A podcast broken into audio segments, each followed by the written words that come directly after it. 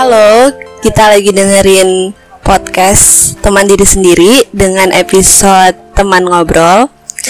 Nah kali ini aku nggak sendirian, aku ditemenin temanku. Aku tuh suka sih kalau dengerin dia nyanyi-nyanyi cover-cover lagu itu bagus. Namanya Reliza Onidema Miskatu. Bener gak sih namamu gitu? Iya, bener. Iya bener. Apa namamu bisa dipanggil Nonin? Kan kayak nggak ada nonin-noninnya tuh namamu.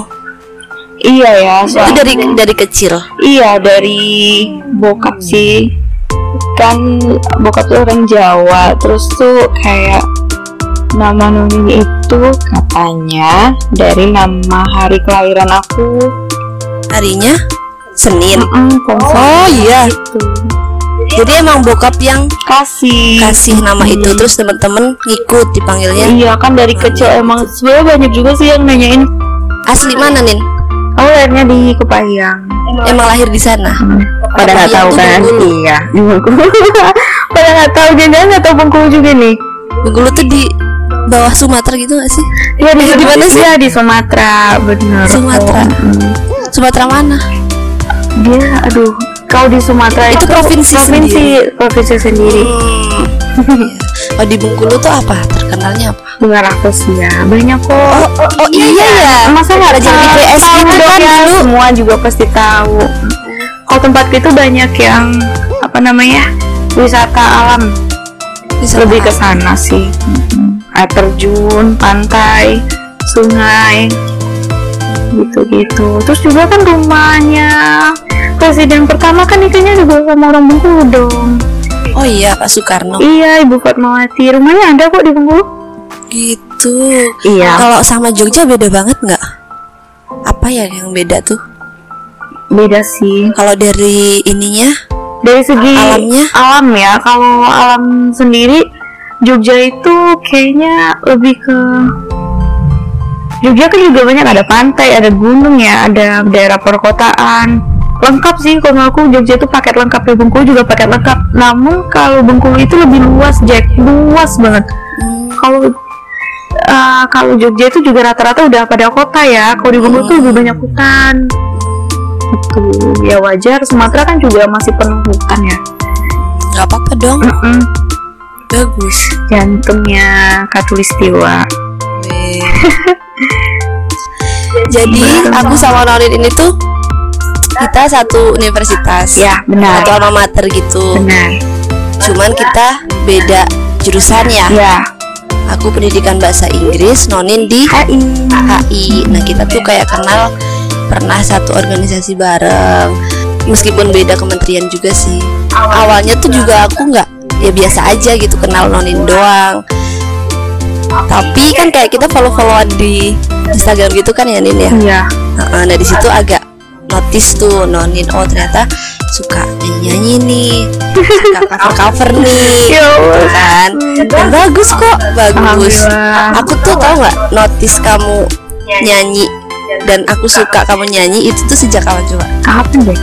Sejak kamu nyanyi di panggung festival gitu apa ya? Oh iya, kapan itu? Itu tuh nyanyi ini ny- nyanyi lagunya Stars and Rabbit. Oh iya iya, I know, I know. I know, I know. Oh kamu suka lagu itu? Iya. Oh iya, emang bagus Terus kamu itu. nyanyi itu dengan caramu sendiri kan kan kayak lagu itu kan ya kayak gitu Iya gitu kan Nin. ya. Heeh, terus kayak kamu bawain itu dengan caramu sendiri dan bagus jadi itu aku notice kamu ini anak bagus ya nyanyinya sejak itu aku ngikutin kamu kalau kalau kamu nyanyi Oh, iya. apa aku selalu notice kamu nyanyi Wah makasih sama ya. kamu bikin band juga kan Iya sempet sih waktu itu. terus kayak Ih, bagus nih suaranya bisa dapet feelnya tuh Aku kalau nyanyi itu sebenarnya kadang gini Jack. Aku kan juga belajar vokal, maksudnya belajar vokal kan aku ikut di paduan suara. Aku belajar teknik vokal, tapi justru ketika aku terlalu memikirkan teknik waktu nyanyi malah nggak jadi. Oh jadi kamu Iya. sempat belajar teknik vokal juga? di paduan suara. Tapi di?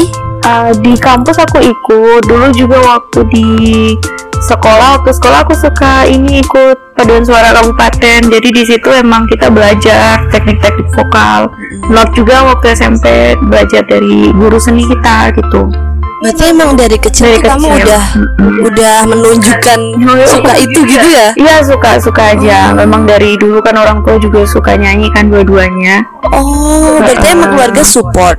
suka suka banget iya Ketahunya kamu suka nyanyi gitu. Itu tuh inget nggak sejak umur kamu? aku inget banget sih jadi dulu itu orang tua aku kan ngefans banget sama ini sama beberapa artis kayak Iwan Fals, kalau artis Indonesia Ebit, Krisdayanti dulu, Anang.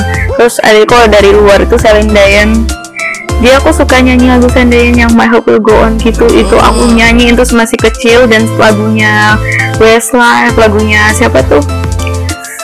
Siapa tuh? Backstreet Boys. Nah itu dulu banyak dibeliin kaset-kaset gitu. Akhirnya aku juga sekalian belajar bahasa Inggris dari lagu sebenarnya makanya aku suka banget sama lagu-lagu Hmm, berarti dikenalin musik, lagu-lagu itu emang dari orang kecil tua. Mm-mm. Oh, bagus loh.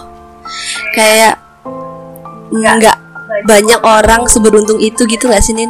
ya Kayak dia sih. menyukai suatu hal, terus orang tuanya mendukung. Iya, iya memang mungkin ada banyak orang yang di luar sana yang kita nggak tahu kan. Mereka mungkin pengennya gini tapi orang tuanya nggak suka terus akhirnya ya nggak jadi gitu. Tapi kamu didukung ya, disupport ya. Alhamdulillah. Diarahinnya tuh ke arah mana kalau sama orang tua? Orang tua tuh malah ngarahinnya yang lebih ke pendidikan dan apa yang aku suka. Dulu aku sukanya emang aku suka nyanyi kali ya. Terus aku juga suka eh, kayak waktu dari kecil tuh emang diarahinnya lebih ke bahasa Inggris gitu Jack. Dari sebelum sekolah aku di lesin bahasa Inggris gitu. Baru sempat dulu di lesin keyboard kayak gitu waktu SMP tapi berhenti karena memang waktu nggak bisa lanjut lagi gitu karena udah mulai sibuk ujian ekskul terus akhirnya aku juga ngarahnya lebih ke sastra jatuhnya. Hmm, aku suka nulis puisi. Oh, jadi Eh, kamu tuh ini ya seni banget ya? dibilang seni banget tuh nggak nggak terlalu Jack. Tapi aku emang suka yang kayak gitu. Dulu aku yang kayak ke teater iya nyanyi iya eh, puisi. Lebih suka gitu nulis nulis aku suka banget. Cuman eh, lambat laun entah kenapa itu bisa sekarang malah fokus ke vokal doang. Maksudnya nggak nggak ngarah ke sastra lagi lagi, gitu eh, ya. padahal sebenarnya kangen juga aku nulis gitu. Tapi ya nggak apa-apa sebenarnya kalau kamu coba-coba lagi nulis ya buat sendiri aja dulu gitu.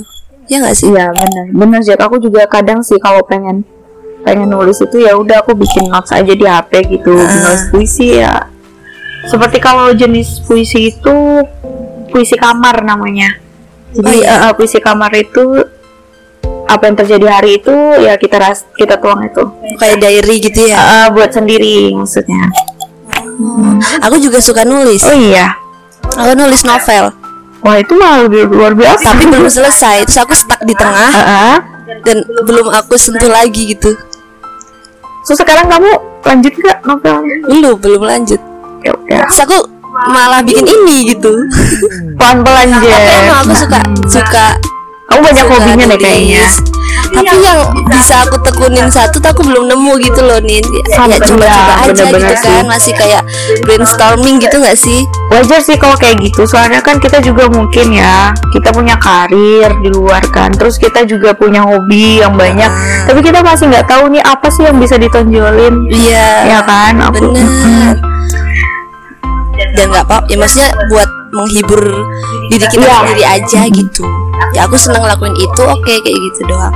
dari dulu sebenarnya aku suka nyanyi Jack aku suka nyanyi tapi aku nggak kayak teman-temanku yang lain yang emang pede buat nyanyi di panggung sendirian gitu bener kayak aku suka paduan suara aja deh aku suka yang Bareng-bareng gitu. grup-grup aja deh nggak nggak ini tapi kalau nyanyi aku suka gitu cuman aku nggak berani buat ikut lomba tampil sendiri itu nggak Kenapa yang bikin kamu nggak berani apa? Tahu nggak sekarang? mungkin karena dulu aku emang ya gitu lebih ke sastra dan udah mendarah daging jadi aku nggak mau coba yang lain waktu itu ya Heeh. tapi waktu aku kuliah kok makin lambat laun uh, sayangnya mungkin sastraku itu udah kayak pudar rasanya. Walaupun aku sekarang nulis terus aja tapi kan nggak yang kayak dulu. Yang bener aku masih teater masih baca puisi masih ngapa-ngapain. Kalau sekarang lebih suka cover-cover lagu gitu. Nah di situ aku nemuin rasa percaya diri aku buat nyanyi sendiri waktu kuliah. Justru waktu itu karena waktu kuliah aku punya banyak teman-teman yang menurutku mungkin karena kita di satu paduan suara dan satu hobi di situ benar-benar di, disupport sama mereka. Karena kan juga waktu audisi sendiri aja nah dari situ udah muncul PD PD PD akhirnya teman-teman juga kayak nan kamu bisa cari sini dong bisa cari sini. Mm. Hmm, gitu. Akhirnya kan lambat laun banyak linknya terus ya udah aku lebih ke suara maksudnya lebih ke vokal sekarang Aku tuh ka- kadang iri gitu loh, Din. Sama orang yang tahu dia pengennya apa, terus dia bisa mengembangkan itu, terus dia menikmati itu gitu. ya aku tahu makanya Heeh. Dan itu tuh nggak semua orang bisa loh. ya bener. Kadang kebanyakan orang tuh terjebak di itu-itu aja gitu. Nah, orang yang menemukan hal lain yang dia sukai, terus dia bisa mengembangkan itu, itu keren. Setuju nggak? aku setuju Jack. Soalnya aku ngerasain sendiri kan. Maksudnya dari dulu aku pengen tuh nyanyi. Nyanyi dengan PD waktu zaman SMP atau SMA kan aku suka juga nyanyi. Tapi kan itu gak tersalurkan. Justru tersalurkannya waktu kuliah. Aku rasa emang waktu itu gue belum nemu celah mungkin Jack. Celah. celah. Jadi mungkin waktu itu ketika waktu aku sekolah teman-temanku yang lain suka nyanyi dan mereka bagus gitu aku belum pede dengan suaraku sendiri. Dengan dengan aku suka sama lagu apa ya aku su- aku cocok bawain lagu apa aku masih nggak tahu gitu iya ya. masih perlu banyak belajar. Gitu Tapi sekarang udah tahu. sekarang ya masih nyari-nyari juga sih. Sebenarnya aku cocok genre apa sih kalau nyanyi gitu. Cuman ya ternyata lama-lama setelah aku pikir mau genre apa pun kita punya ciri khas sendiri tuh di Oh. suaranya gitu Setuju banget sih. Eh, jadi menurut aku memang gak perlu takut buat melangkah akhirnya aja karena memang semua udah ada waktunya gitu Iya benar.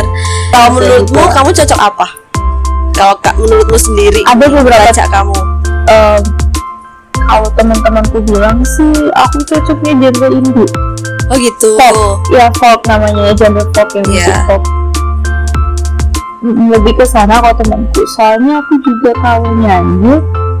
Vibra aku juga nggak muncul. Tapi aku suka gimana ya aku lebih suka ini loh aja kayak musiknya tuh nggak terlalu banyak banyak vibra kayak rasa tuh kayak banyak vibra ya Hmm. gitu. Nah untuk musik kayak gitu aku kurang cocok Mm. untuk genre musik pop gitu walaupun kata temanku ada juga yang bilang suaramu tuh pop banget gitu tapi itu kan penilaian orang masing-masing Tapi kamu nyamannya aku nyamannya Jika membawakan- lagu 420 gitu eh, folk gitu ya. ya musiknya Dan kan folk sekarang kayaknya lagi digandrungi gitu loh.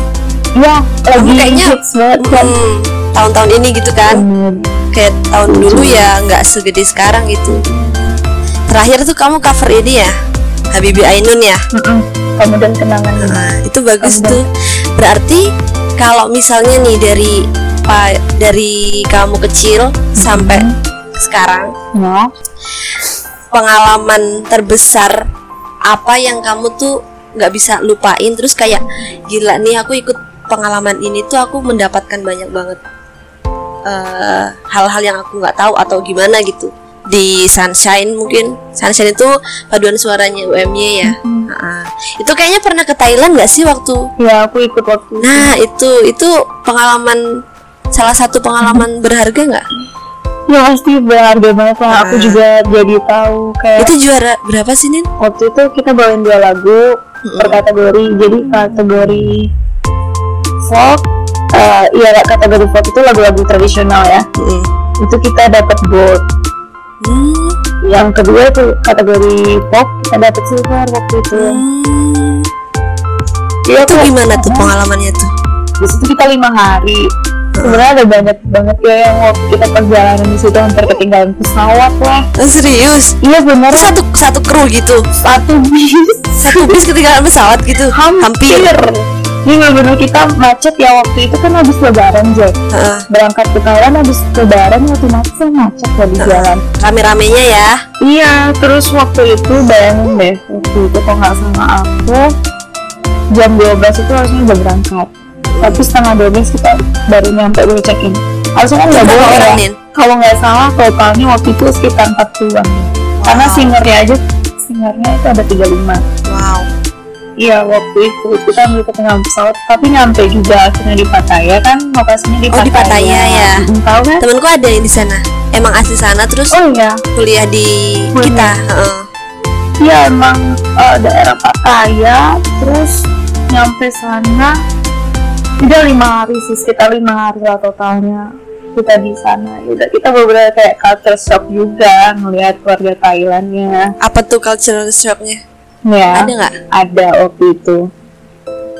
Eh ini jujur-jujur aja ya maksudnya aku nggak nggak ngasih maksudnya aku nggak ngejelekin warga Thailand dulu. Iya. tapi tapi maksudnya waktu aku temuin itu mbak-mbaknya nggak bisa bahasa Inggris. Sementara kan kita komunikasi bener bener mungkin. Ceritanya aku tuh pengen nyari masker.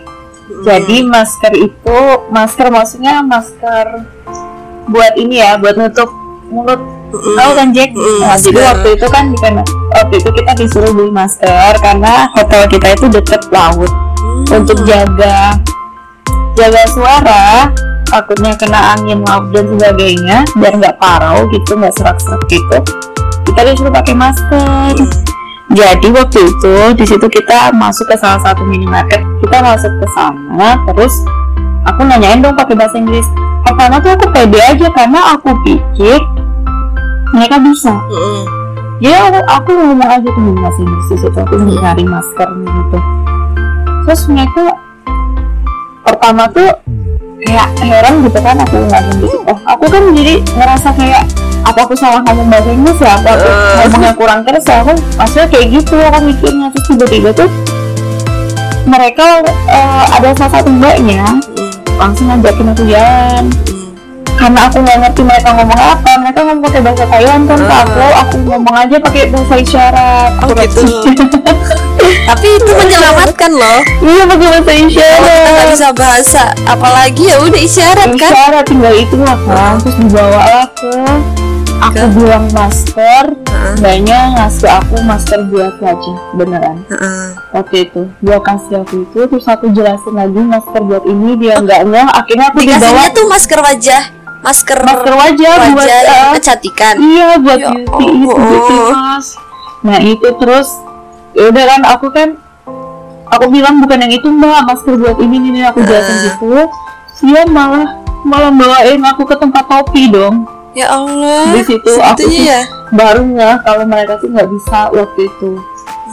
Langsung aku Oh, misalnya aku mau ketawa nggak enak ya mau Ah. kayak gimana akhirnya aku beli topinya aja nggak butuh ya jadinya ya Iya.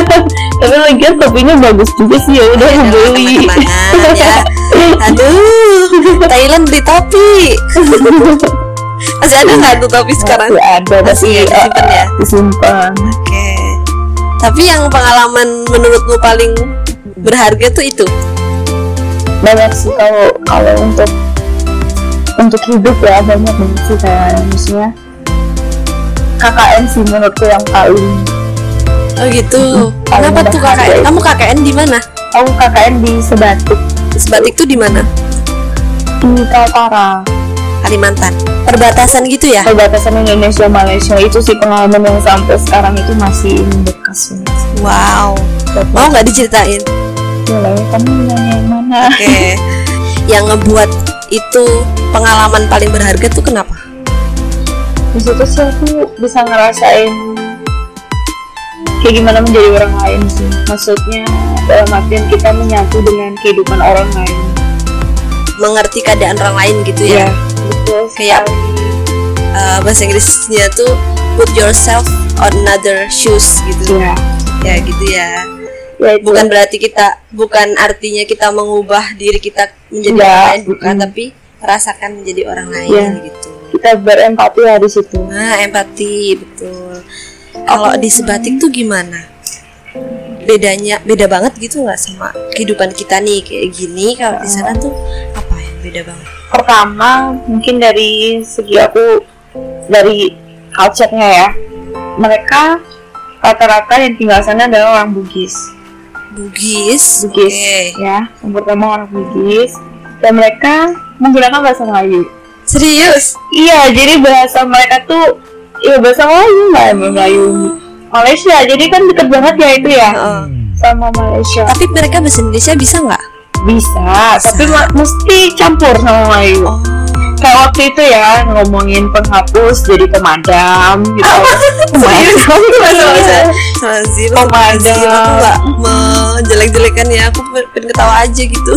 iya tapi lucu kan bahasanya Iya, lucu. beneran deh terus ya Jack waktu itu aku juga sempat kaget aku belanja di warung dikembalinya pakai uang ringgit Hah? beneran Kamu pakai rupiah? aku pakai rupiah tapi dikembaliin pakai uang ringgit Itu lebih besar atau lebih kecil? Itu lebih gede ya dari kita tapi tapi tapi tetap itu masih berlaku gitu. Oh. Terus produk-produk yang aku makan sebagian besar itu dari Malaysia. Tapi kalau bumbu-bumbu dapur biasanya aku lihat itu dikirimnya dari Surabaya atau Jawa Timur biasanya dari sana gitu. Oh gitu. Oh produk kayak sirup, cemil-cemilan itu Ah. dari Malaysia semua. Oh. Tapi itu Indonesia kan? Cuman deket banget Ya, gitu sama deket. Malaysia. Ada sih satu hal yang beberapa peristiwa yang menurut aku tuh agak nyes aja sih waktu aku di situ. Kita biasa kalau di Jogja ngeliat langit Jogja oh ya udah ini langit Jogja terus Oh. senja. pesawat yang eh, eh, pesawat mondar mandir Ah, ah. gitu waktu itu aku lagi sama temanku Heeh. kita lagi jalan Heeh. Jalan kaki ceritanya Di sebatikan Ah, ini. di Sebati ngeliat ke langit Ah. Hmm. di situ banyak burung-burung bagus gitu Oh. burung elang terbang terus ada burung-burung yang warna-warni yang benar-benar aku nggak pernah lihat Hmm. langitnya tuh biru banget langit Sebati tuh wah luar biasa Jet Kamu ada fotonya nggak? Ya aku nggak ada fotonya kalaupun di foto waktu itu pernah dicoba foto emang nggak sebagus yang Yang kita lihat aslinya langsung. gitu Bener-bener ya. bagus itu sih senjanya juga kalau langit sore mungkin kita bisa oranye biasanya kita lihat sore oranye Heeh. kemerahan mereka biru biru yang biru banget bagus Oh banget. iya. iya aku kalau ingat itu sih luar biasa banget Ngebayangin aja bagus sih. Seru ya. Mm-mm, terus ada lagi sih ada yang aku bikin aku hampir nangis Heeh. waktu itu jadi kan perbatasan sebatik itu ini ini sebatik terus ini ini kan pulau sebatik di sini laut terus di sini tuh ada pulau Tawau Tawau itu udah masuk Malaysia Hmm.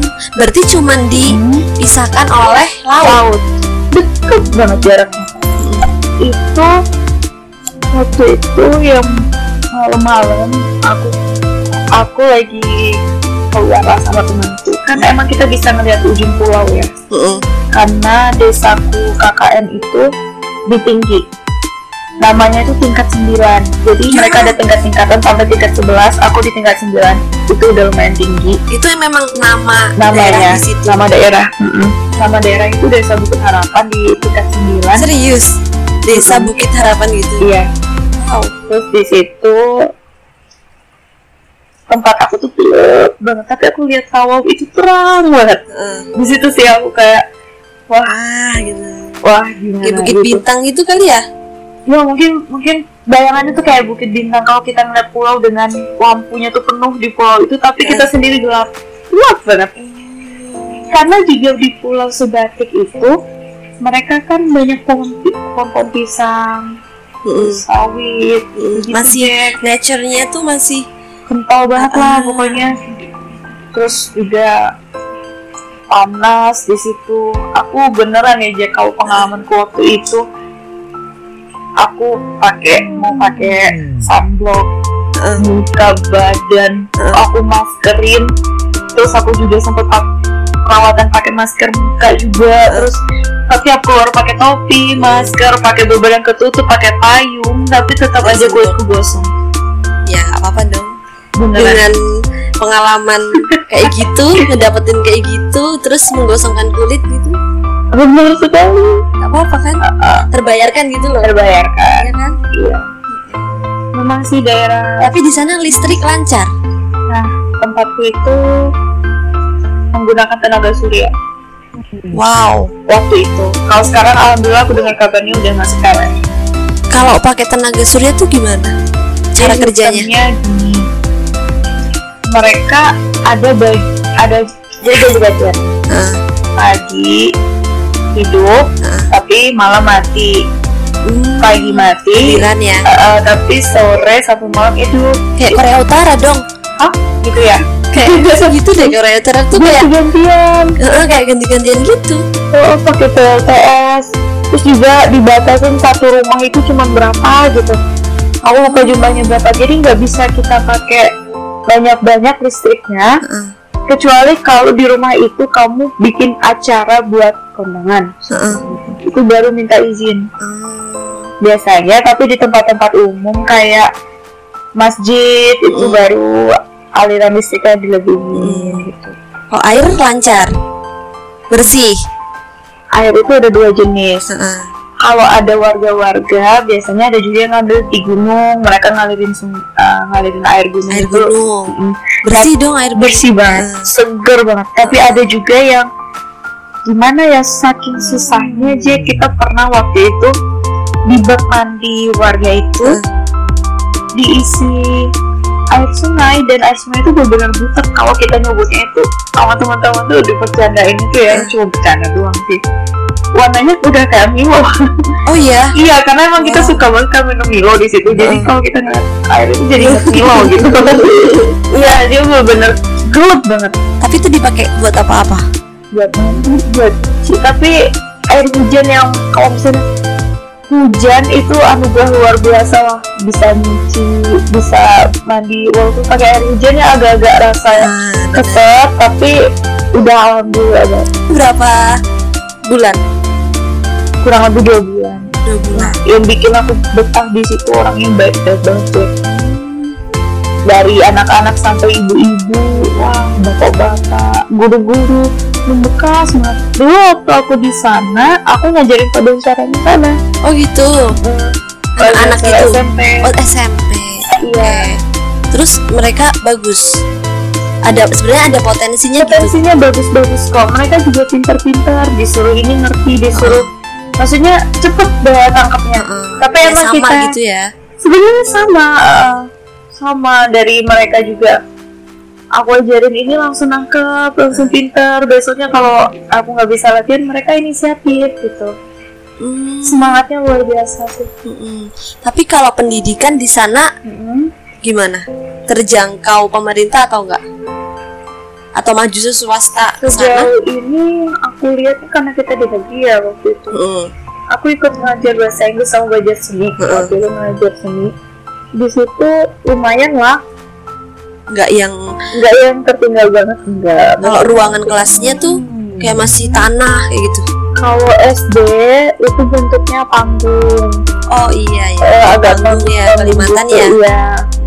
Jadi masih papan-papan kan dan itu kalau misalnya hujan, banjir itu ya coba deh bayangin deh airnya bisa sampai ke lantai itu. Ya. Sebenarnya ya sedih tapi aku bikin senangnya harunya di situ ya karena orang-orangnya sih luar biasa baik menurut aku. Mm. Kita nggak nggak susah hidup di situ Jack walaupun waktu itu ya kan ada kunjungan dosen kan DPL biasanya Mm.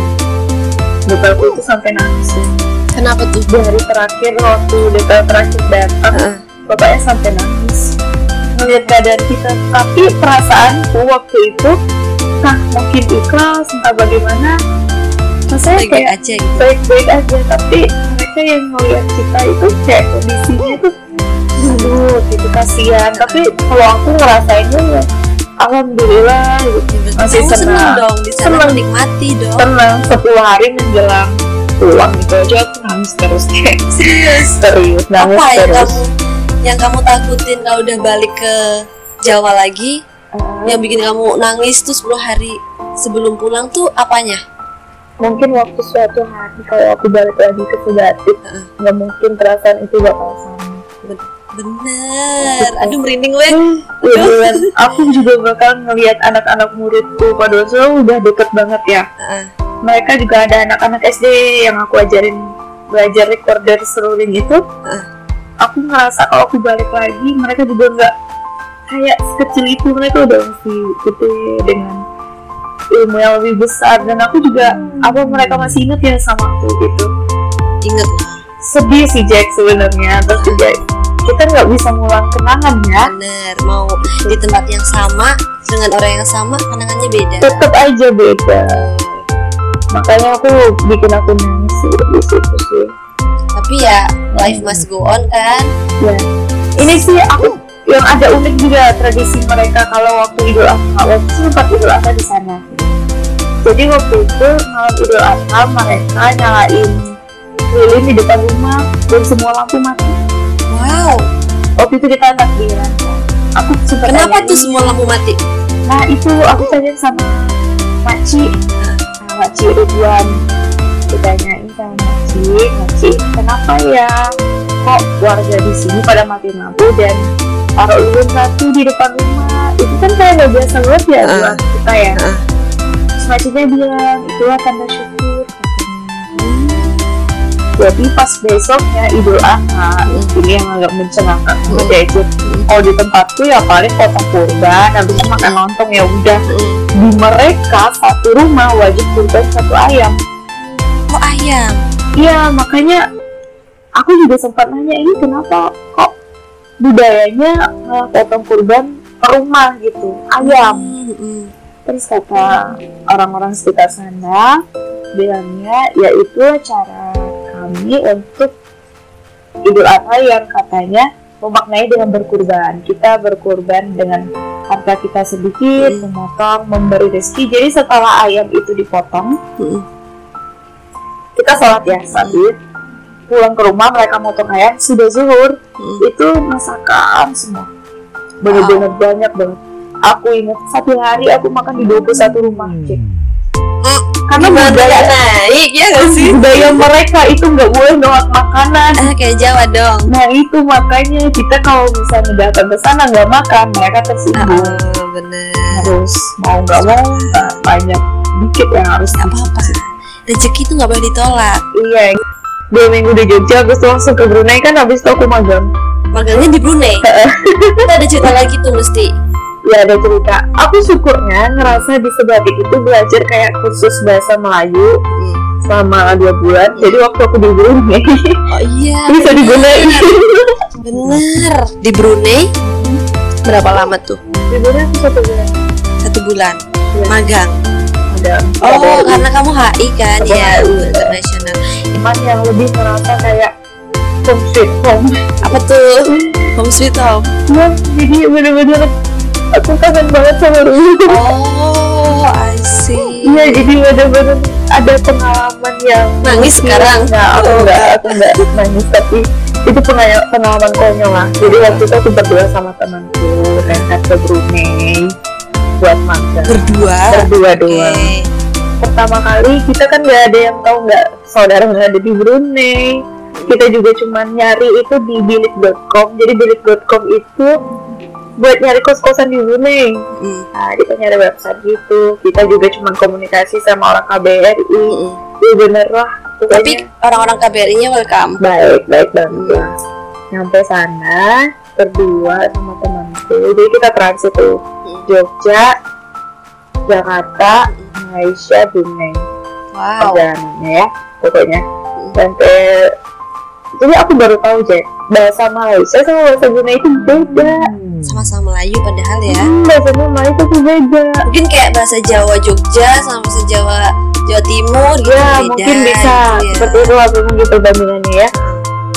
Yang bedain itu waktu ya waktu setelah nyampe ke sana nyampe ke Brunei.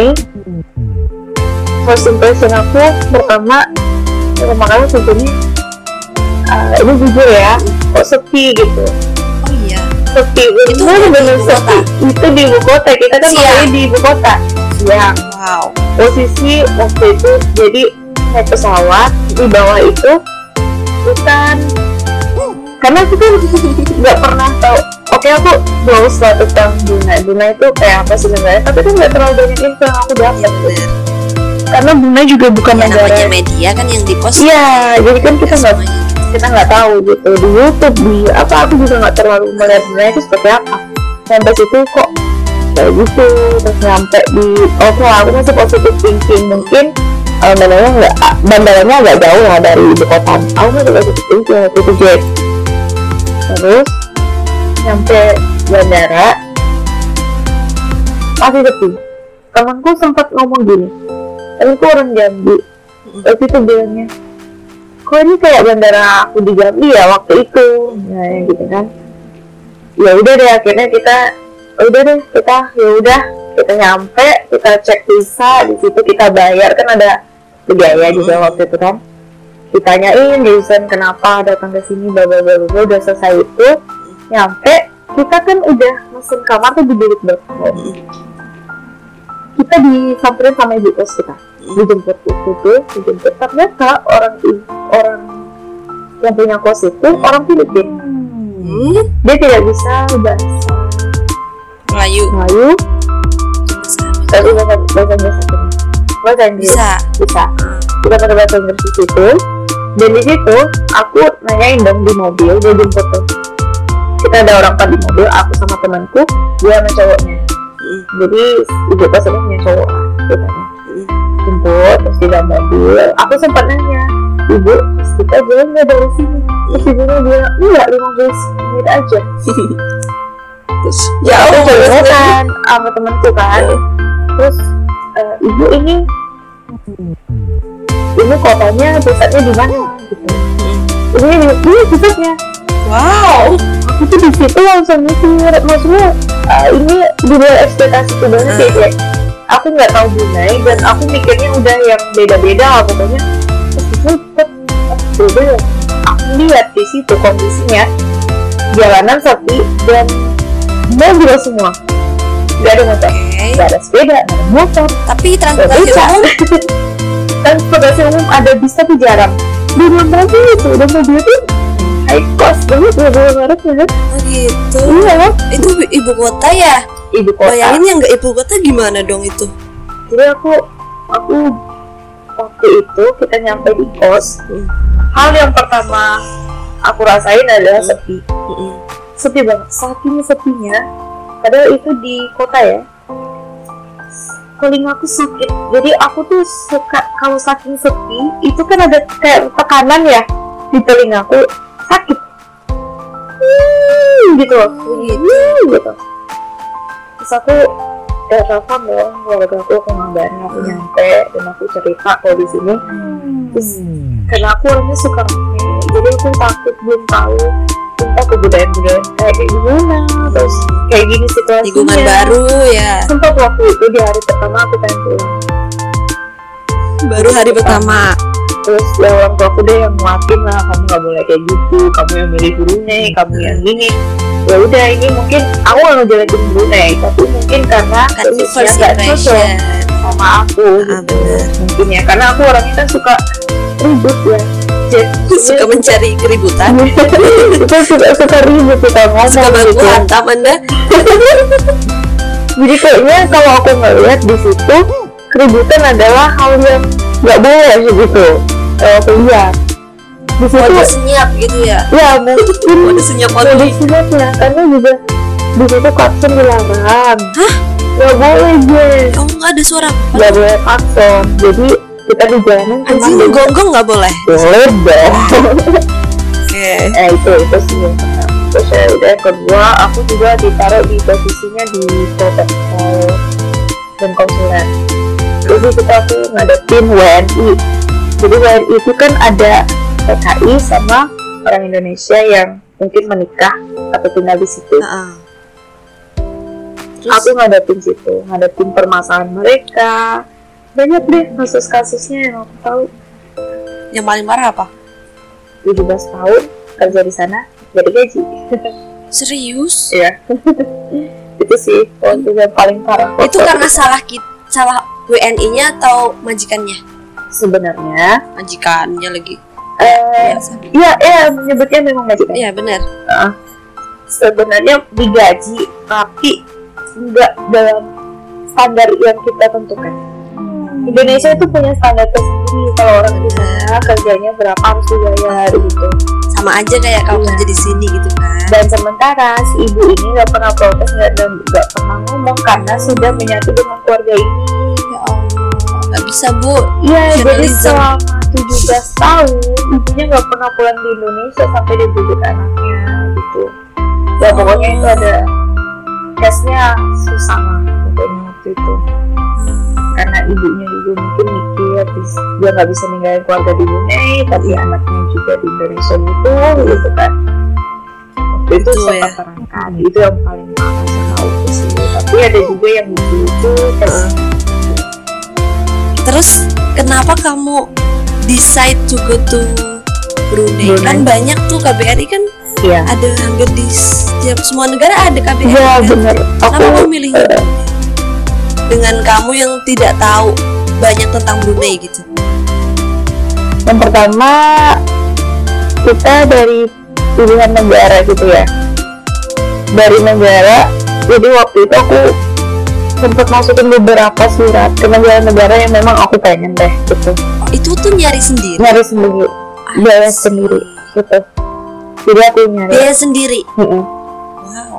masukin masukin surat-surat dan yang membalas itu ada dua KBRI Heeh.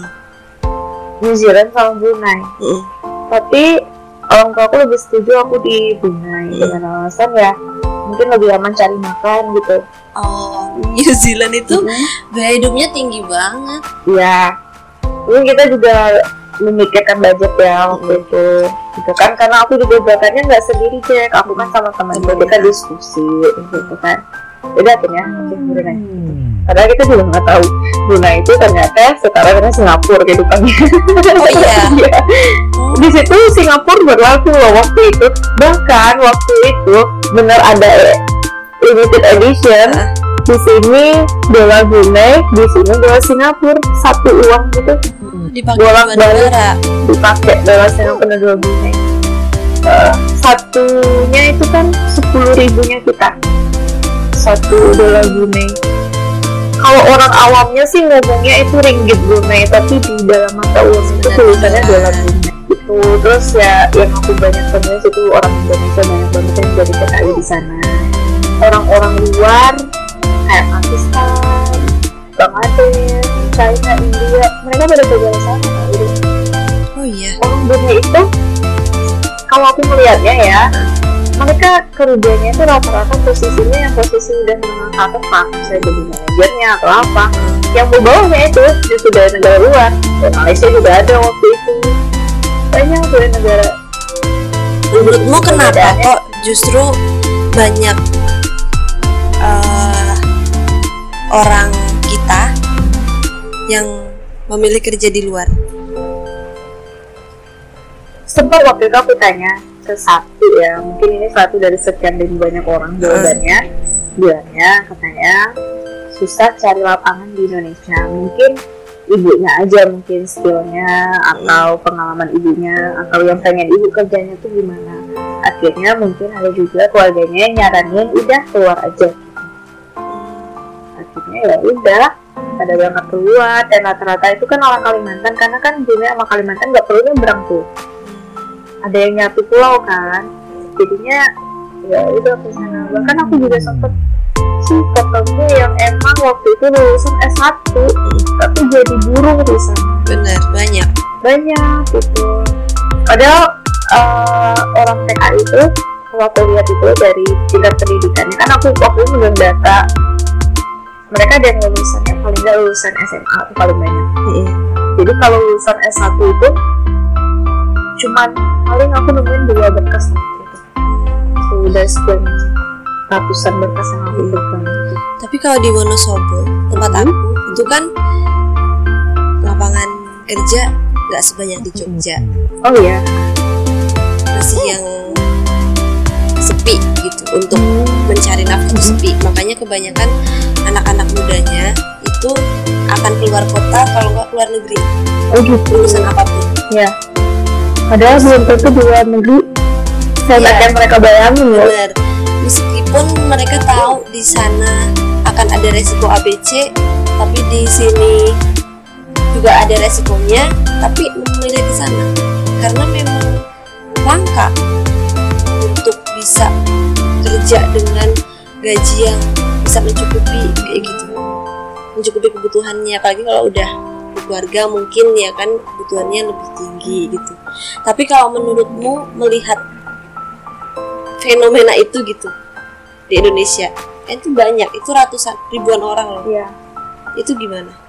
Kalau kata aku ya mungkin kamu nggak bisa menilai dari di mana pun ya mungkin perspektif aku aja. Heeh. Mereka yang kerja ke luar negeri rata-rata bukan karena persiapan sih tapi lebih ke kayak ajak-ajakan teman-temannya gitu. Dari situ. Terus juga di luar negeri itu sempat aku pernah satu pengalaman. Ada di eh, ibu-ibu. Jadi kan aku kan megang berkas mereka. Aku lapor diri istilahnya mereka harus datang ke KBRI ngelaporin kalau kerja di sini gajinya udah sesuai. Dan yang kita lihat itu adalah kontrak kerjanya. Mereka tanda tangannya kontrak kontrak kerjanya itu sesuai nggak sama yang mereka dapat gitu. Karena kontrak kerja waktu itu dalam bahasa Inggris Jack.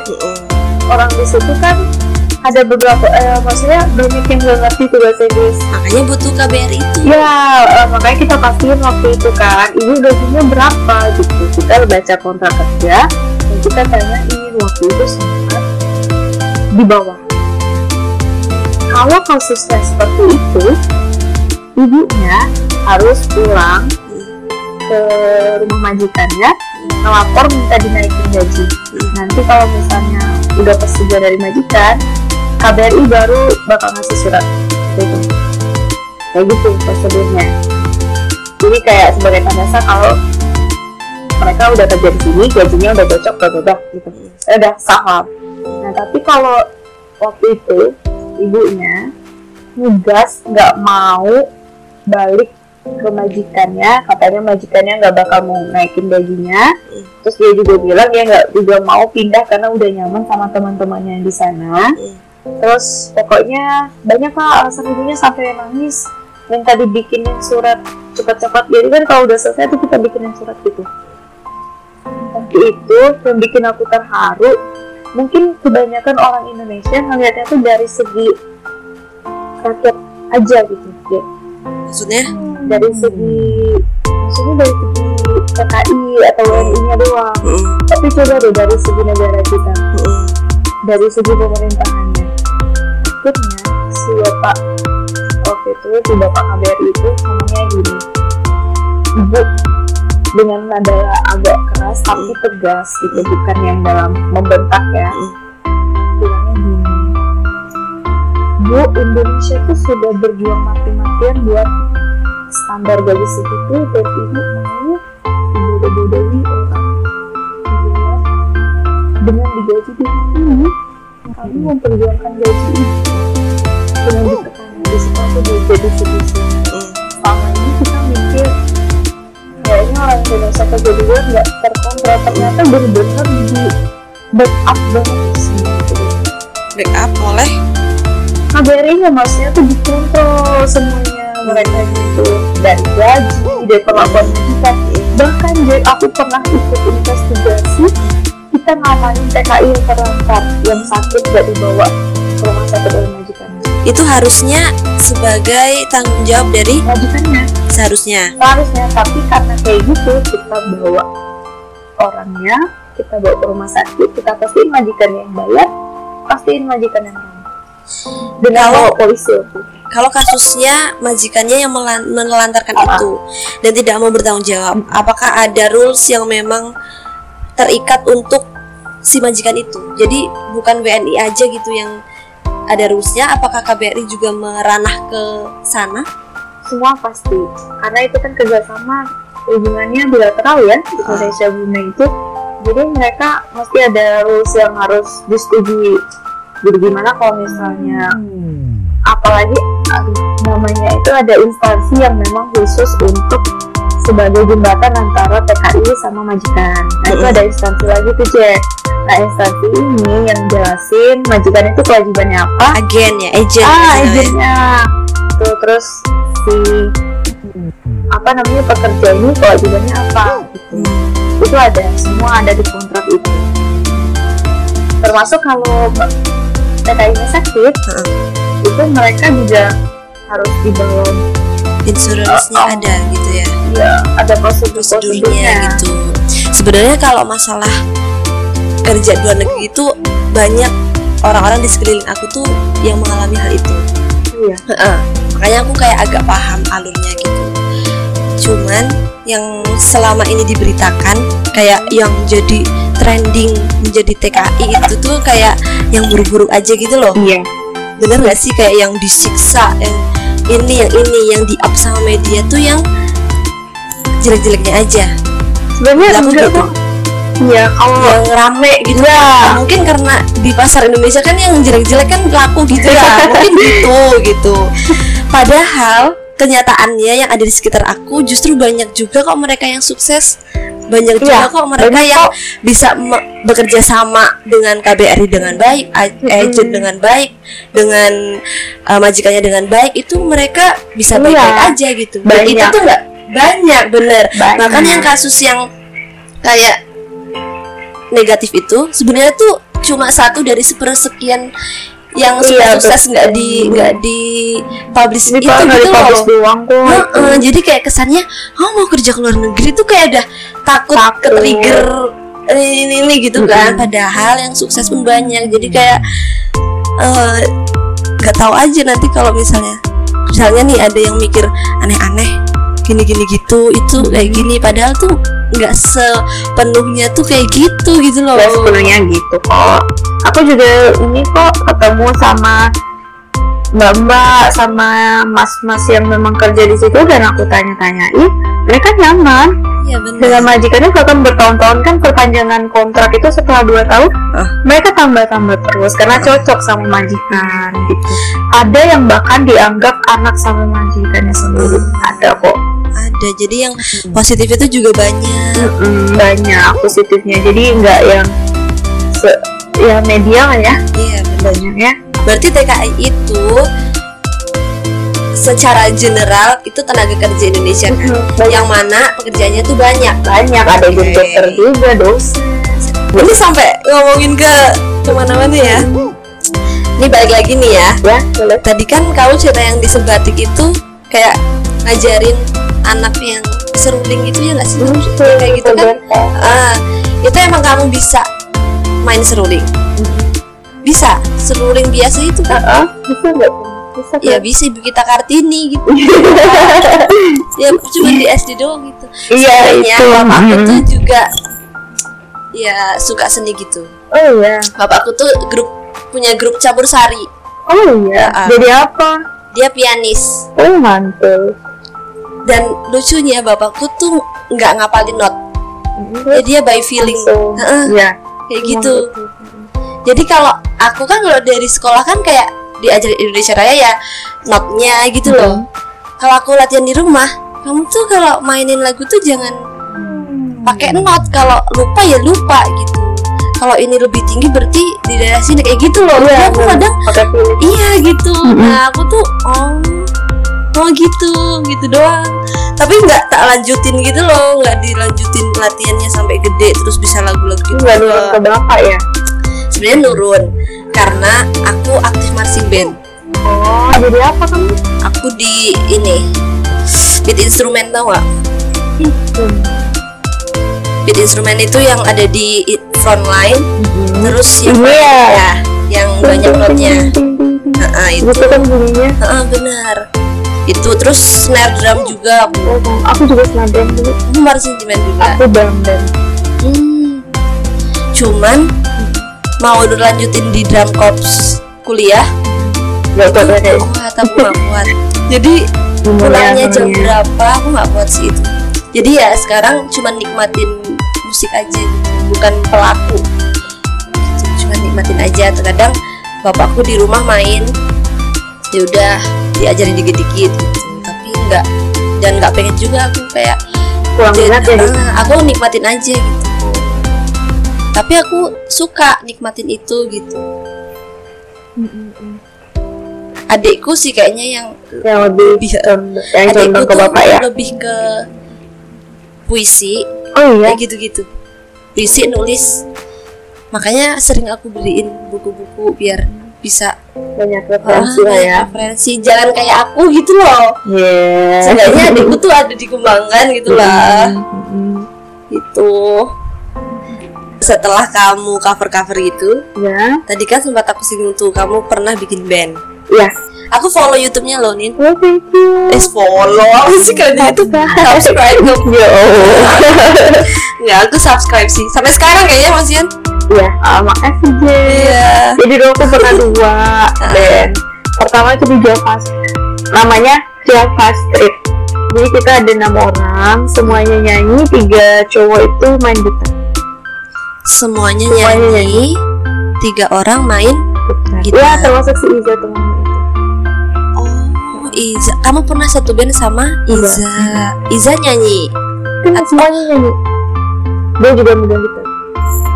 Oke Gitu, waktu itu dulu. Tapi ya karena saya memang mungkin waktu itu kesibukan masing-masing ya gitu udah akhirnya yang kedua aku fokus semua fokus Waktu itu cuman berdua.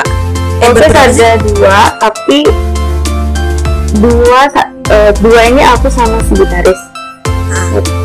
Dua orang lagi ini ada tim medianya. Mereka yang fotografi sama yang videografi. Tapi edit video tetap balik di aku.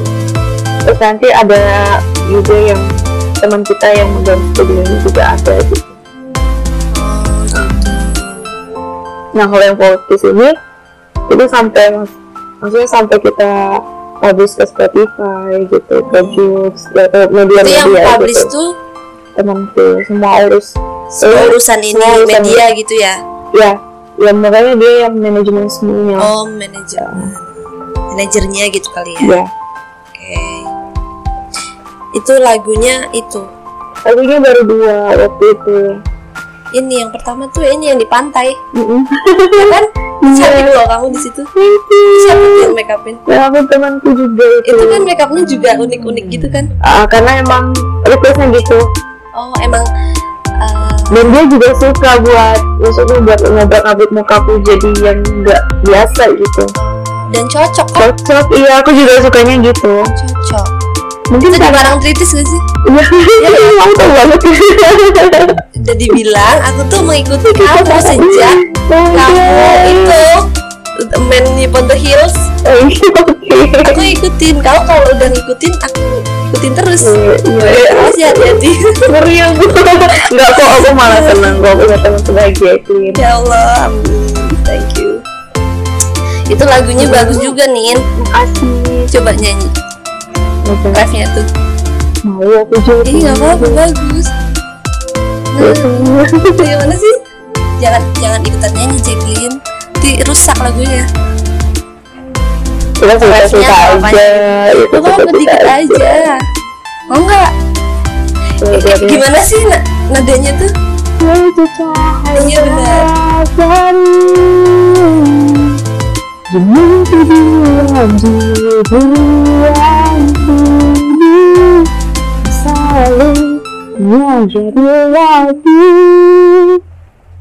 Pelan-pelan ku berlari Udah ya? bagus loh. Itu siapa tuh yang bikin lagunya? Aku yang bikin. Kamu? Bikin liriknya. Serius? Ya, nah, musiknya diskusi sama temanku yang gitaris. Wow indie. Ya memang genrenya folk, folk indie. Folk indie itu. Kalau ada label mau nggak? Itu kita dilabelin kok itu oh serius? Oke. Dilabelin label Jogja. Udah cocok Di jalur nasional tuh kan oh. Jadi temenku semua ngurus. Jadi aku ya udah ya Aku tugasku adalah Pertama bikin lagu Nyanyi sama ngedit video. Oh edit video sendiri? Mm-mm. jadi si manajer ini yang eh ngebawa ke label Iya dia yang bantu oke. Dia yang gitaris gitu hmm oke. Tapi ya itu Jack. Pada akhirnya memang kayaknya juga untuk band itu kan menyatukan pikiran ya. Maksudnya kita mah aman-aman aja. Cuman kan kadang-kadang mungkin kesibukan yang bikin kita hilang. Akhirnya dua kali aku band itu ya udah nggak ada kabar. Akhirnya aku lebih soal karir ber- tapi labelmu nggak apa-apa. itu bukan label makeup kok Oh, jadi kita masih aman aja jadi ada label yang tidak mengikat. ada kok waktu itu emang tuh kalau yang ngurus semuanya jadi bilangnya waktu itu hanya tiga bulan doang ya udah tapi itu udah Oh, jadi kontraknya tiga bulan gitu. Habis itu lepas. Yang lagu kedua juga masih di labelin. masih uh, waktu kami kedua karena kan kita juga sebenarnya waktu itu dituntut album ya waktu itu cuman kan dari kitanya hanya siap aja tapi kan ya balik lagi kalau itu nggak bisa pikiran dan tenaga satu orang Benar. Harus Semua. disatukan. Mm-mm.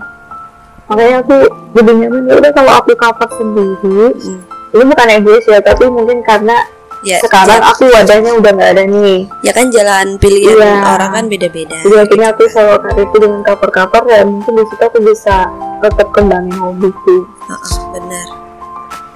Ya nggak salah juga sih. Mungkin rezekinya ada di yang lain. ya Teman-teman yang lain juga bisa mengembangkan diri yang lain. Itu sih. Lagian kita juga di bandku itu juga nggak nikat Jack maksudnya kamu boleh tuh ikut band lain kamu boleh tuh ikut teman lain kita nggak yang kayak satu band ini harus ini enggak kita bebas karena oke band Hmm. tapi diri tetap masing-masing Benar. jalan masing-masing Aku juga nggak suka diikat-ikat. Iya, rambut kecuali rambut ya. oh iya aku juga suka ngikat rambut Iya benar. Kebanyakan kayaknya pelaku seni tuh Mm-mm. eh, gitu ya orangnya. bebas feel free nggak mau Makanya banyak yang memutuskan untuk sendiri aja. Ya, Kalau labelnya semenyebalkan Ya. itu gitu. Ya nggak tahu sih ada di dunia sana. Cuman yang aku dengerin, yang aku lihat, dan kita itu kan genrenya nggak terlalu indie tapi agak ke pop tapi masuk indinya kok. sebenarnya masuk tapi agak ke pop jadi karena temanku bilang ya ini ini memang indie tapi nggak bisa ini nggak nggak indie ini enggak Nah gitu kan label. teman Sorry ya label di luar sana. ya udah deh Ya, akhirnya udah, tetap oke. masuk ke pop, aja gitu Ah. Tapi kalau lagu untuk kamu dengerin Mm-mm. itu lebih ke apa? ada dua Apa tuh? pop satu ya Mm-mm. itu kalau udah mau tidur ya biasanya Mm-mm. sama kalau biasa itu aku lebih suka EDM Serius? iya Wow. itu tahu orang banget ya tapi memang bener Sampai sekarang? suka EDM sampai sekarang suka EDM Kenapa? Menurut aku unik aja gitu loh. Berarti kamu emang suka unik-unik gitu? iya musik itu unik aja. Kalau pop oke pop. Semua orang suka pop Oke, gitu. bisa dinikmati semua orang. iya tapi kalau maksudnya kalau musik EDM tuh ininya tuh loh. Unik maksudnya dari suaranya. Kayak kayak bukan dari alat musik langsung kan. Itu kan memang elektrik. Jadi menurut aku ada Keren ya. kesan ingatan aja asik aja kalau aku dengerin Terus kalau pop ya kalau kalau pop emang aku rasa orang Indonesia sekarang juga udah banyak yang suka Tapi kamu suka folk tuh kenapa? Dari dulu kan sebenarnya. pertama Cuman sekarang booming aja gitu. iya pertama emang mungkin karena aku suka puisi dan aku suka aja kan kata-katanya Kata-katanya. liriknya liriknya itu menurut aku enggak maaf ya nggak mubazir eh, Bisa diinterpretasikan di banyak iya banyak sisi gitu kan. Ah, ah, aku Perspektifnya tuh bener aku eh, itu Berarti kamu bisa ngebaca dari perspektif yang orang lain tuh juga pada se- se- gimana sih ngomongnya? orang lain bahkan nggak ngelihat perspektif itu gitu. iya eh, Gitu ya. berbobot menurut aku ya Bener. terus eh, apa namanya dari segi musiknya sebenarnya idenya itu tuh ngebosenin bikin ngantuk loh IDM, eh IDM sorry. Apa indie, eh itu, eh, pop ya. pop itu ngebosenin bikin ngantuk tapi aku nyaman dengernya. Juga. apa yang bikin bosan itu malah nyaman jadi aku lebih ke uniknya. Nah iya. Nggak karena dia unik jadi nggak bosenin mungkin mungkin ngebosenin itu dalam arti mungkin ya itu itu aja kan. Karena dia nggak ada puncak nggak ada vibra kalau nyanyi. Ya gitu. Iya, sampai habis itu tapi aku dengerin terus gimana tapi itu ajaibnya gini itu kan lagu gitu aja.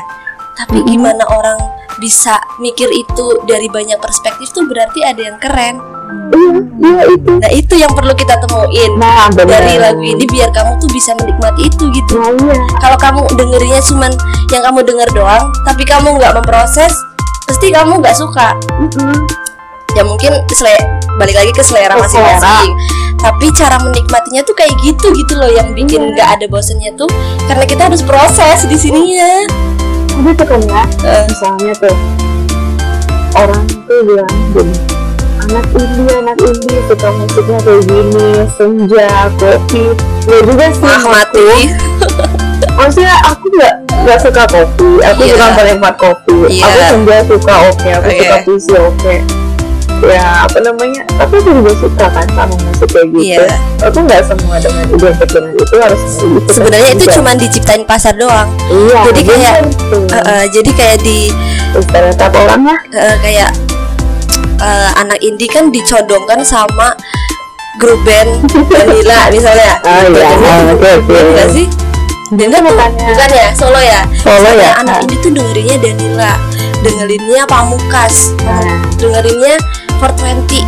Kalau Eh. bukan dengerin itu kamu bukan anak indie gitu misalnya Gitu, gitu ya gitu kan kan. kayak di akhirnya Ah, orang akhirnya orang gitu. menikmati itu karena aku mau pengen jadi anak indie gitu. Geli banget. Sebenarnya ya iya. Iya padahal enggak banget banyak kan aku sering dengerin kayak gitu juga kan kayak Mm-mm. mu- musisi-musisi yang ngomong kayak gitu. Nah itu ditanya menurutmu dengan adanya anak indie yang katanya tuh identik dengan senja dan kopi itu tuh gimana? Mereka tuh nggak suka. Mereka kayak apaan sih? gitu. Kamu masuk ke ruang ini nih. Iya, iya. kamu masuk ke ke dunia indie nih. Kalau kamu nggak di dunia indie kamu berarti pop. Kalau kamu bukan di dunia pop berarti kamu apa? Gitu tuh kayak punya sekat-sekat gitu loh nah padahal anak folk itu nggak suka kayak gitu. gitu gitu. Jadi itu kayak diciptain sendiri dan nggak tahu dari iya mana nggak tahu gitu. siapa ya. Iya. Yang mengelompokkan itu jadi satu itu siapa Ah, tahu. padahal awalnya ya nggak kayak gitu juga. Enggak. cuman kayak sering di meme-meme gitu sih jadi kayak lucu aja pandangan gitu. Masyarakat kan jadinya kayak gitu. Padahal kan maksudnya juga ya kayak aku yang nggak suka kopi tapi aku suka dengerin oh kopi kopi kok. nah itu kan kamu juga suka. Aku kalau ke kafe kan. kafe ke kafe nggak pesan kopi. aku pesennya yang lain ya. teh atau apa soalnya ya yang lain suka oke. Maksudnya nggak semua anak itu bisa kamu kelompokkan. Kalau kamu nggak suka kami kamu bukan anak ini dan anak indie sendiri ini datangnya dari mana juga nggak tahu gitu. Anak ini kan juga sebenarnya ada bahasa sendiri kan kenapa disebut indie. Itu aku juga sempat baca tuh. Eh, independen gitu kan? iya beda tahu ya, Ah, sekarang sama kayak sekarang dijadikan lifestyle. Ya. mungkin sih kebanyakan kalau indie itu lebih independennya yang kayak kamu berkarya tanpa tergantungan sama orang lain gitu kan. Kamu bikin video ya kamu sendiri nggak dibuatin nggak kamu bikin lagu juga ya dari kamu. Sendiri itu kan indie banget ya. Maksudnya lebih ke karya sih kalau aku ya cara kamu- dia menghasilkan karya itu. Iya gitu ya mungkin. Nah gitu lah simpang siur sekarang udah beda lah ini kalau banyak yang tersinggung mohon maaf ya. Terus nih kan kamu kayak sering nge-share Hmm. Kayak kamu cover, kamu bikin band kayak gitu kan kamu share-share ke sosmed gitu ya di Instagram, di YouTube gitu. Nah, itu tuh kamu kayak lebih banyak yang positif atau negatif? Alhamdulillah sejauh ini tuh positif tapi memang ada beberapa yang ada yang ngatain tapi kan nggak aku gini sih Jen Mm-mm. melihat komen itu memang sakit hati tapi kadang-kadang aku mikir "Iya juga ya bener juga gitu Mm-mm. jadinya aku ya paling kalau yang head head comment kayak gitu aku biarin aja. Tapi dalam hati aku oh ya mungkin mereka benar gitu. Ketika memang mereka nge-head comment kayak gitu dan aku ngerasa oh ya berarti aku jeleknya di sini. Oh aku besok perbaikinya di sini gitu. Tapi ada juga kan kalau yang head komennya kayak nggak logis mungkin kayak apalah yang nggak ada sangkut pautnya sama video bukan kritikan bukan apa ya di situ aku agak lebih tersinggung sih Hmm. Tapi jadi kepikiran ya. kepikiran kepikiran tapi dimasukin ke dalam PR PR kurangnya apa ya gitu. kurangnya apa Tapi kalau kayak gitu terus menerus tuh sehat nggak? sebenarnya sebenarnya kalau aku sendiri sih tergantung mental aja ya ya kayak ada ya ada orang misalnya eh itu mesti suaranya kamu edit gitu padahal kan enggak juga Ah. kan Yang asli nih. iya ini ini oke lah ini aku nyanyi gitu memang kan kalau biasanya kita udah masuk studio ada beberapa yang diedit itu bisa jadi mungkin diedit karena- kejelasannya gitu ya. iya atau mungkin Volumenya gitu. nada nggak duduk biasanya kayak gitu Heeh. tapi ya udah kan tuh juga aku juga pernah nyanyi live kan nggak Hmm. Biasanya Nggak jauh ya. iya maksudnya suaraku pun juga nggak diubah. Jadi mirip kayak Via Valen misalkan enggak gitu. Jadi kayak giring magic kan enggak. Tapi itu suara aku warna suara aku juga gitu. Hmm. terus ada juga sih yang komen kayak video kamu harusnya nggak kayak gini bagusnya itu yang apa namanya yang langsung live cover gitu enaknya dilihat jadi kayak kalau duet chemistry-nya dapet. Nah kayak gitu. Hmm. ada yang ngomong gitu. Ya akhirnya kan aku jadiin PR terus aku ya udah update yang baru ini. Paling baru kan aku bikin cobalah jadi masukan. Akhirnya aku bikin beneran kayak live cover gitu yang terakhir kan. Hmm. aku bikin covernya. Gitu. Jadi masukan semuanya. Ya aku walaupun mereka kayak ngata-ngatain sih tapi ya udah terus ada juga yang kayak misalnya wah kamu udah apa nih mesti mau kayak gini gini ya kamu ngabisin duit gitu Hmm. kalau aku sih ya selagi aku nggak ngerasa berat dan itu aku jalaninnya seneng kenapa enggak maksudnya kenapa harus kalian Keberatan pikirin gitu. gitu Berarti tetap yang pertama tuh kamu bikin itu karena kamu seneng. aku seneng Jadi tapi- kayak Oh, oh. omongan orang tuh nggak begitu di di nomor satuin banget gitu lah. ya aku senang tapi ketika mereka kritik aku mikir juga kayak berarti next nggak boleh kayak gini next nggak boleh kayak gini. Cuman aku tetap sih namanya misal nih aku kurang suka kalau misalnya bukan kurang suka ya kayak ada orang Mm-mm. ngapain konsep gini nggak bagus oke kita ubah. Tapi ketika mereka nyenggol iya atau ngasih saran yang ke basic kita misalnya wah warna suaramu gak jelek lah itu kan memang udah ciptaan Tuhan ya maksudnya nggak nggak bisa ya bisa udah, diubah eh, gitu. nggak bisa diubah itu kan nggak bisa diubah terus aku Mm-mm. harus gimana gitu Mm-mm. tapi alhamdulillah nggak ada sih kayak gitu Mm-mm. Aku pernah denger sih kayak dengerin podcastnya siapa gitu. Mm. Jadi tuh awalnya emang kayak head head speech gitu kan jatuhnya. ya Head speech gitu. Ehm, kalau masih dikit tuh kayak bisa disaring tuh jadi kritik kritik dan saran kayak gitu kan jatuhnya. Tapi kalau udah besar makin besar kan anginnya makin gede tuh. ya Heeh, jadi kan kayak lebih ke kalau dipikirin terus bisa bisa kita bisa sakit jiwa nih gitu kayak Mm. misalnya kayak gitu gitu. Nah itu tuh sebenarnya kembali ke tujuan kita ngebikin itu. Kayak misalnya ada misalnya ada youtuber atau apa pun itu yang ngebikin kontennya dia karena viewers itu. Gimana sih? Contoh si R gitu. Aku nggak- nyebutin nama ya cuman misalnya ada si R. Eh, tolong ya di subscribe ya gitu-gitu kan. Subscribe ini ini. Soalnya dengan ini aku bisa lebih semangat lagi nih bikin ini gitu. Jadi itu tuh kayak seakan-akan dia bikin itu karena viewersnya banyak. Heeh. dia dia semangatnya karena itu. Bukan semangatnya karena dia bikin buat dia sendiri. Mm. nah itu yang kebanyakan nggak sehat itu karena heeh, katanya sih gitu gitu. Aku pernah kok Jack nemuin yang ya maksudnya yang temen juga punya konten YouTube gitu. Heeh. terus dia bilangnya gini ke aku. Nang ayo kita bareng-bareng kejar subscribers gitu ayo Mm-mm. kita kejar ini nih aku sebenarnya oke lah maksudnya orang subscribe aku mungkin karena mereka temanku karena Mm. kenal aku atau karena mereka suka aja gitu Mm. tapi aku nggak ngejar sih maksudnya Mm. aku nggak suka yang harus ditargetin karena Mm. ya di sini aku kehidupan aku itu adalah hobi aja kalau buat Mm, itu. mm. jadi aku nggak ngasih target. Karena lah kamu suka kamu bikin podcast karena kamu suka gitu.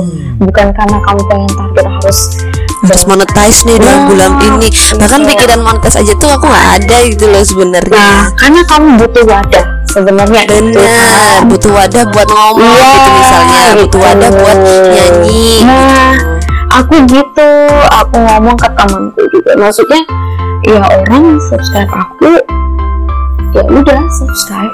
Mereka suka ya suka gitu. Aku hargain. Tapi bukan berarti dengan dengan aku kayak gitu, aku bukan berarti aku nggak ngejar bla bla bla subscribe atau apa. Maksudnya Let itu it flow mereka, aja, ya gitu. Yang penting aku suka aja. Kalau misalnya mereka subscribe, subscribe, alhamdulillah Heeh, aku penting aku punya wadah mereka juga bisa nikmatin video aku heeh. ya udah aku juga seneng kan jatuhnya lagi hits nih ngapain Eh, bikin challenge apa gitu kan. Mm. itu kan tergantung balik lagi ke youtubernya. Kamu suka nggak ngelakuinnya kalau Iya. nggak suka ya jangan gitu. Kayak aku dulu Jack. Aku dulu nggak tahu nih arah bikin apa yang harus aku share ke sosmed itu kayak gimana. Mm-mm. maksudnya aku kan ya punya kayak kamu kamu punya banyak hobi. Mungkin kamu suka nulis baca atau kamu suka ngomong Mm. suka nyanyi. Macam-macam ya. Mm-mm. Tapi sekarang kamu mau share itu yang apa deh? Mm-mm. nah itu yang masih aku bingung. Tapi sekarang aku udah kayaknya ya udah fokus ini aja. Mm-mm. nggak usah yang lain-lain. Nggak usah yang fokus macam-macam aja dulu di satu Fokus gitu ya. aja dulu. Nanti kalau misalnya orang nikmatin kan juga mereka ya mungkin kepo yang lain sisi dunia kita yang Hmm. lain gitu. Bener sih ya nggak semua yang kita lakuin tuh harus dipublish. Nah Gitu iya. kan. eh, mungkin kita sukanya yang pengen orang lain tahu tuh bagian kita yang sisi ini aja. Gitu. ada juga yang kita nggak mau orang lain tahu kan. Betul sekali. Thank you sukses terus Iya, iya, sukses juga buat amin. Amin, Bu time ya Maulin pasti bakal lebih hebat lagi dari ini Amin. You too. amin oke ya say goodbye aja yuk bareng-bareng Bye. thank you Makasih semuanya. Sukses buat kita. amin thank you